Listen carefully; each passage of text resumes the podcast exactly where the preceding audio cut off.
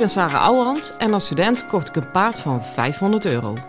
Toen hij 22 was, startte ik hem Grand Prix. Hij had nog nooit aan de teugel gelopen, dus het ging allemaal niet vanzelf. Het enige wat ik zeker wist was: never quit. Ik verslond alles wat ik kon vinden over de biomechanica van ruiter en paard. Dat testte ik net zo lang totdat ik wist wat echt werkte. In deze podcast leer ik jou alles over je rijtechniek, je houding en zit en je mindset. Want ook jij kan naar de Grand Prix gaan, zelfs als je geen miljoenenpaard hebt.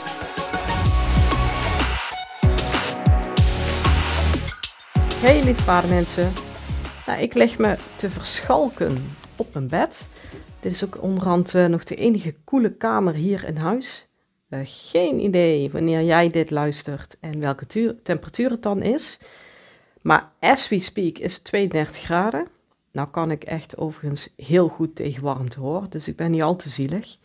Maar uh, ja, ik dacht wel, ik wil jullie echt vragen. En ik heb zo getwijfeld of ik het zou zeggen, want ik haat mensen die prediken. Maar voel het alsjeblieft niet zo en meer vanuit, oh ik gun het de paardjes zo, dat daar iets meer bewustwording, dat is ook weer zo'n kutwoord hè, in komt. Maar jongens, hou als je, als je, alsjeblieft rekening met de warmte. Uh, ik ben er heel eerlijk in. Ik vond het vroeger echt uh, getrut. En ik ben nog echt met 2, 23 graden rijk nog gewoon hoor. Maak je niet druk. Uh, maar ik heb wel steeds meer inzicht gekregen in het warmtesysteem van een paard. Ja, dat is echt zo anders dan bij mensen. Die hebben zoveel meer massa en relatief zoveel minder huidoppervlakte. En die, die warmte die transporteert zich naar buiten toe door die huid. Dus ja, als je meer massa hebt en minder huidoppervlakte, ja, dan is dat gewoon veel lastiger. Hè? Dus alleen dat al maakt dat het gewoon uh, moeilijk is. En ja, natuurlijk verschilt het per paard. Ik moet zeggen, ik heb gruwelijk geluk met mijn paard, maar daarin heb ik pech. Want het hoeft maar uh, eigenlijk vanaf 22 graden is het hem al te veel, merk het echt aan hem. Um, ja, goed, zwaar, daar fiets ik dan een beetje omheen. Maar uh, ja, ik zag dit weekend ook veel wedstrijden. En geen oordeel, hè. Want misschien een jaar geleden was ik zelf ook nog gegaan. Dus het is ook wel iets, ja, weet ik veel, waar je wel of niet naartoe groeit of wat wel of niet goed voelt.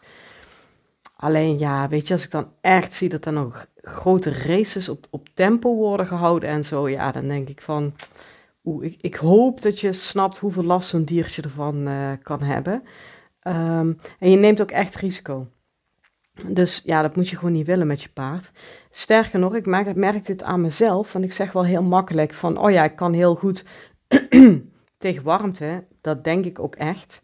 Maar ik stond vanochtend om tien over acht in de sportschool en dat is ook nog klimaatbeheersing, geen airco, wel beheersing.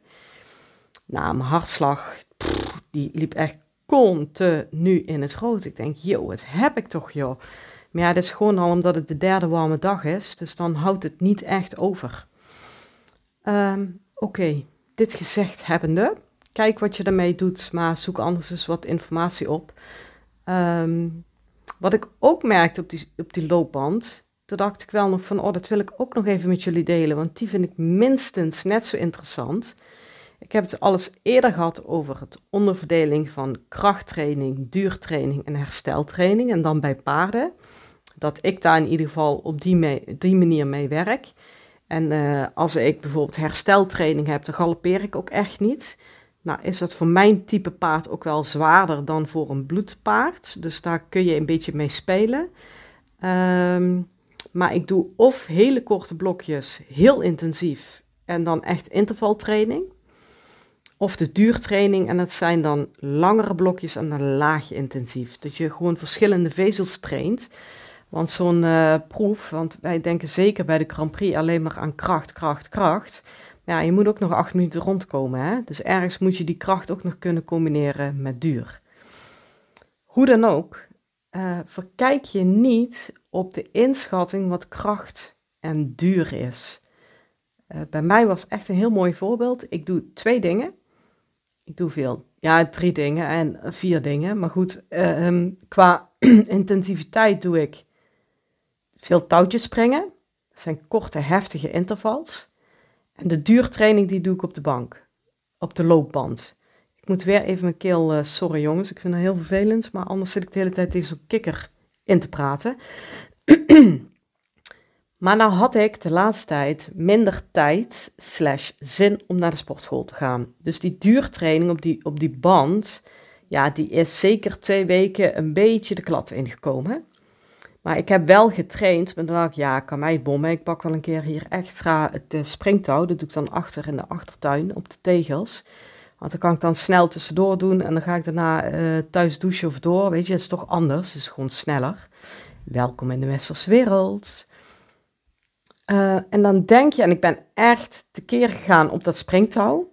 Maar omdat ik dat nu zo vaak heb gedaan, zo intensief, was mijn hartslag nu met het springtouwen en, en, en ook nog midden in de zon springtouwen significant lager, bijna op de duurniveau, dan wat ik vanochtend op de loopband deed. Waarmee ik maar wil zeggen dat um, de oefening zelf niet bepaalt of het duur of kracht is. De hartslag bepaalt dat. Want ik heb nou een lagere uh, hartslag bij het springtouwen, omdat ik daar gewoon meer op heb getraind. Dan op gewoon op 10,5 km per uur uh, op de band. Dus eigenlijk is nu het springtouwen mijn duurtraining. En op de band heb ik vanochtend echt krachttraining gehad. Man, ik liep nog geen 5 kilometer aan elkaar. Het was gewoon gênant. Um, dus eigenlijk is er maar één oplossing voor dit soort dingen. Hartslagmeter. En dat heb je ook voor paarden. Ik werk er ook mee. Ik moet die van mij nu wel een keer opsturen naar Polar, want er is een haakje kapot. Overigens heeft Polar extreem goede klantenservice. Ik heb hem al, ik weet niet hoe vaak opgestuurd met een ditje of een datje, wat gewoon door regulier uh, gebruik kwam. En iedere keer wordt het zonder pardon, zonder mits en maren op de gransen gemaakt. Dus als je er een kiest, kies dan die van Polar. En uh, ja, je kunt op die manier natuurlijk ook goed meten van dat hele verhaal over de warmte. Hè. En het is altijd van, ja, heeft je paard wel of geen last van? Uh, ja, eigenlijk krijg je er heel makkelijk discussies over die je helemaal niet wilt hebben. Maar als je slim bent, doe je dan gewoon even de hartslagmeter om en kijk wat hij doet. Kijk wat hij doet op een, kal, uh, op een koele dag. En kijk wat hij doet met exact hetzelfde werk op een warme dag. Ja, dan heb je eigenlijk een hele mooie indicatie op de vraag: ja, heeft hij er nou wel of geen last van? En dan kun je ook gewoon hele goede, gefundeerde keuzes in maken. Dan is het eigenlijk altijd goed, hè? Nou, kortom, mijn paardje heeft vandaag in de schaduw op stal gestaan. Um, die zou ik morgen ook eigenlijk starten. Daar heb ik best naartoe gewerkt. En ik heb mezelf er echt van los moeten trekken, want ik wil nog zo graag ringen. Maar ja, ik heb hem toch afgemeld. Hij gaf uh, gisteren ook duidelijk signalen dat hij het echt niet tof vond. Hij had er echt buikpijn van, letterlijk. Dus toen dacht ik, ja, voor het beetje wat ik nog twijfelde, is dan nu echt wel de knoop gehakt. Um, dus ik had nou, een vrije dag heb ik nooit. Maar ik had het vandaag wel rustig gehouden, omdat het eigenlijk de day before was. Dus ik had maar één workshop in mijn praktijk. Wel een hele toffe, die gaat over de ruiterspier. En um, ja, ik noem hem ruiterspier. Het is eigenlijk de psoaspier. Het is een hele lange spier die je onderrug met je bekken verbindt. Dus sowieso zorgt hij voor heel veel stabiliteit. Maar hij zorgt ook voor heel veel ellende omdat daar je vlucht-vechtmechanisme zit.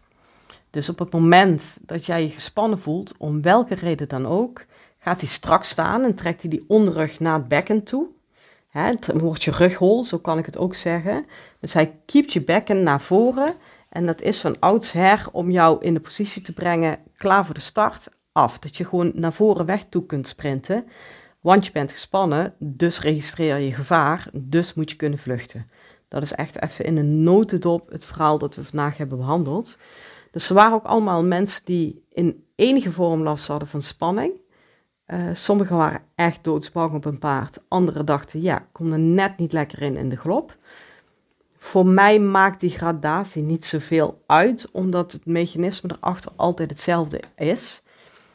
En wat ik een hele toffe vond bij het uh, rondvraagrondje, het voorstelrondje, uh, dan mag iedereen even zeggen van ja, wat bracht je bij dit thema? Want je zit echt niet voor niks op de mat als je deze workshop volgt.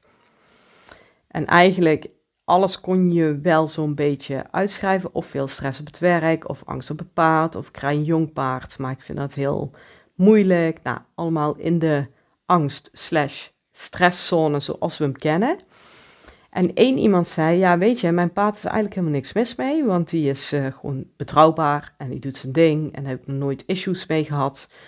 Um, maar mijn spanning zit hem in het feit dat ik hem aan wil houden, dat ik er niet op vertrouw dat hij blijft lopen. Ja, en dat heb je natuurlijk bij de flegmatieke paarden en dat vond ik echt, ja nu vind ik hem super logisch, maar ik vond het echt een hele verrassende opening van haar. Ik denk, hé, hey, wat tof dat je het überhaupt zo ziet, want ja, natuurlijk is dat spanning. Het geldt voor mij ook. Ik heb ook een flegmatiek paard. En flegmatiek is niet lui. Flegmatiek is een uh, traagheid in de bewegingsafloop. Want als iemand niet lui is, dan is het mijn paard. Maar uh, omdat hij dat wel heeft en niet heel makkelijk scherp naar voren door blijft trekken, is bijvoorbeeld voor mij altijd heel spannend die overgang van passage naar piaf. Of überhaupt de ring inrijden, omdat ik weet, als ik iets spanning krijg, trap ik onbewust op de rem en blijft die het dan nog wel doen. Waar de hete flikkers gewoon makkelijk doorheen lopen. Nou zijn die hete flikkers op een andere manier natuurlijk weer heel moeilijk. Maar zij kwam daarmee en toen dacht ik, ja, dat is het natuurlijk ook, weet je. Dat, dat gaat ook over vertrouwen en uh, kunnen durven loslaten en je paard op eigen benen kunnen durven laten lopen. Nou, hoe dan ook, ik heb ze helemaal meegenomen. Zo'n workshop duurt anderhalf uur. Ik heb ze echt wel meegenomen in het verhaal en verschillende ingangen van hoe je ontspanning in je eigen lichaam kan bereiken.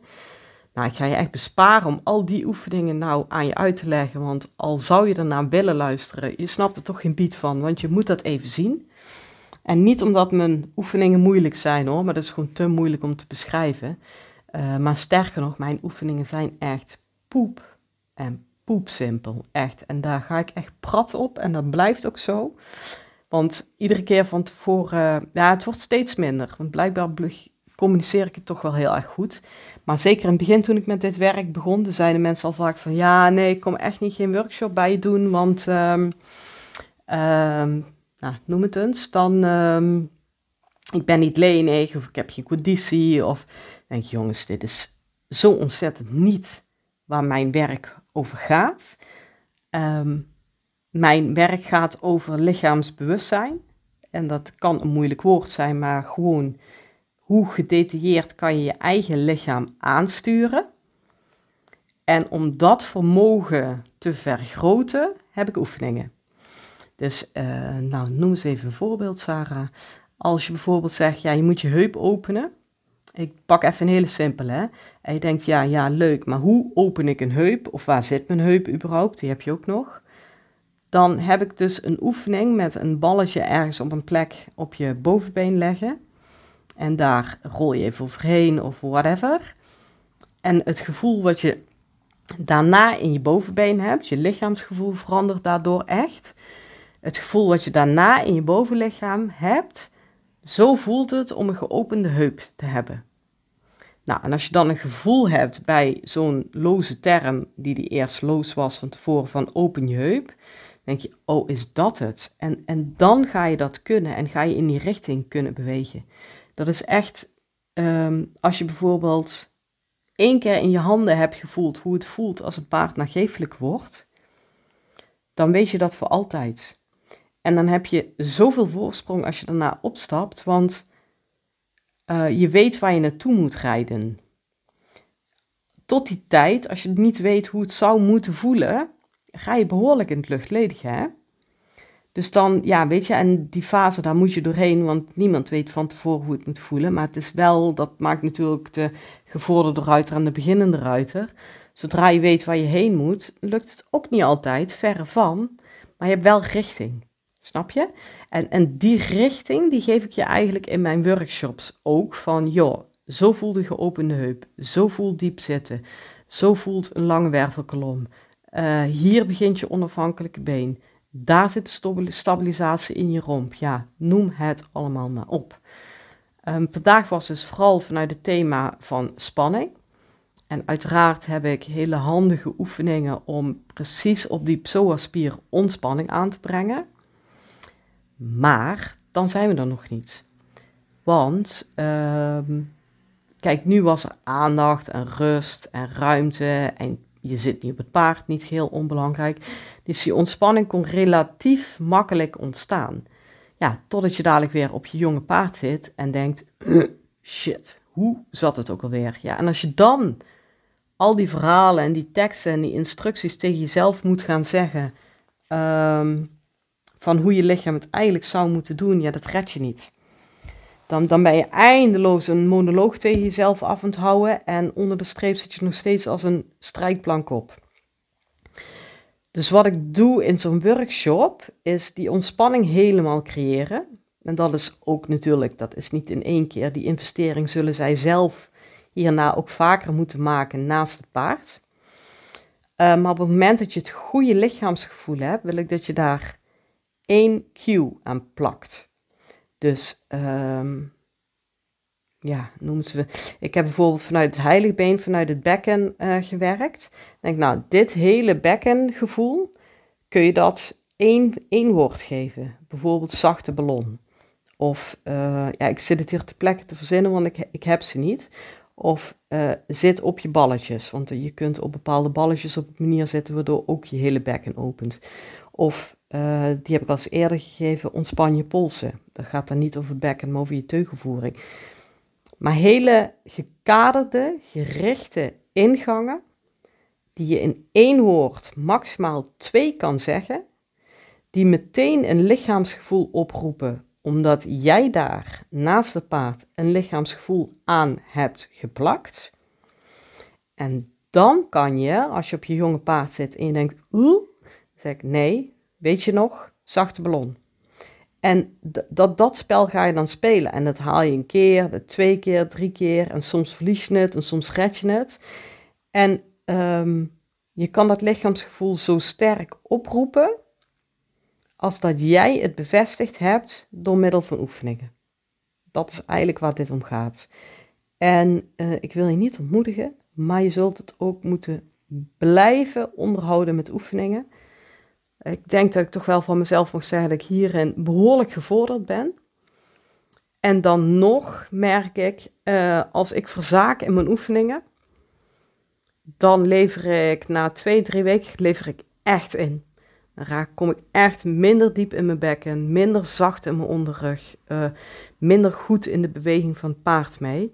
Dus ja, dit, dit vraagt echt onderhoud. Maar ik gaf ook al in die workshop aan van ja, dit voelt als een investering, kan als een investering voelen. Maar eigenlijk vind ik dat niet eens. Want weet je, al die dingen die ik naast het paard heb gedaan, hè, ehm, als ik die had moeten leren in rijlessen, dus te paard, was drie keer zo lang bezig geweest. Dat weet ik gewoon zeker, als het me al was gelukt. Want op een paard dat je spannend vindt, leer je geen ontspanning. Je moet dat eerst uit elkaar halen. Hoe ontspan ik überhaupt? En kan ik dan dat terugroepen in de spannende situatie? Snap je? En ik heb het nou de hele tijd over spanning, maar dit geldt voor mij voor alles. Ik heb de eners geleerd met touwtjes springen, ritme houden. Gewoon 1, 2, 3, 4, 5, 6. En het klinkt te simpel voor woorden van, joh, kan je niet tellen. Maar kunnen tellen en ritme kunnen houden zijn echt twee dingen. En uh, al die uren op de loopband en in mijn springtouw, ja, dat is gewoon voor mij ritme houden. Gewoon op constantheid. Gewoon linkerheup, rechterheup, linkerheup, rechterheup. En dat echt ultiem kunnen controleren terwijl ik loslaat. Ja, jongens, als ik, pff, als ik dat met mijn paard had moeten doen, zo diep dat ritme leren houden in mijn eigen lichaam. Ja, had ik pas Grand Prix gereden als hij 26 was. Weet ik niet eens of ik het gered had. Echt niet. Dus wat is nu een investering? Maar je moet alleen even omdenken daarin. En het hoeft niet eens bij mij. Hè? Ik zit hier geen promopraatje te houden, want er komt geen aanbieding van een product hier achteraan, maar meer van, ehm, ja, weet je, je kunt het jezelf veel makkelijker maken dan dat wij vaak doen. Dat geldt natuurlijk voor alles, maar hierin zeker.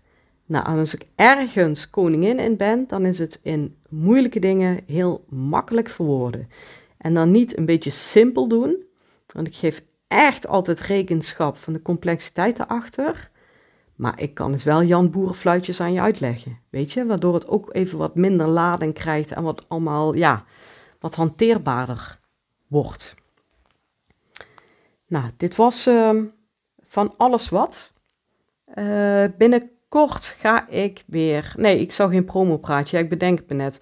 Ik geef nee, dus je hoeft niet te betalen, dus ik ga toch zeggen.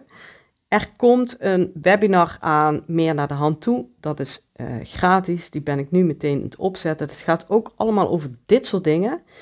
Um, heb je hem gemist als je luistert? Jongens, volg me even op Instagram.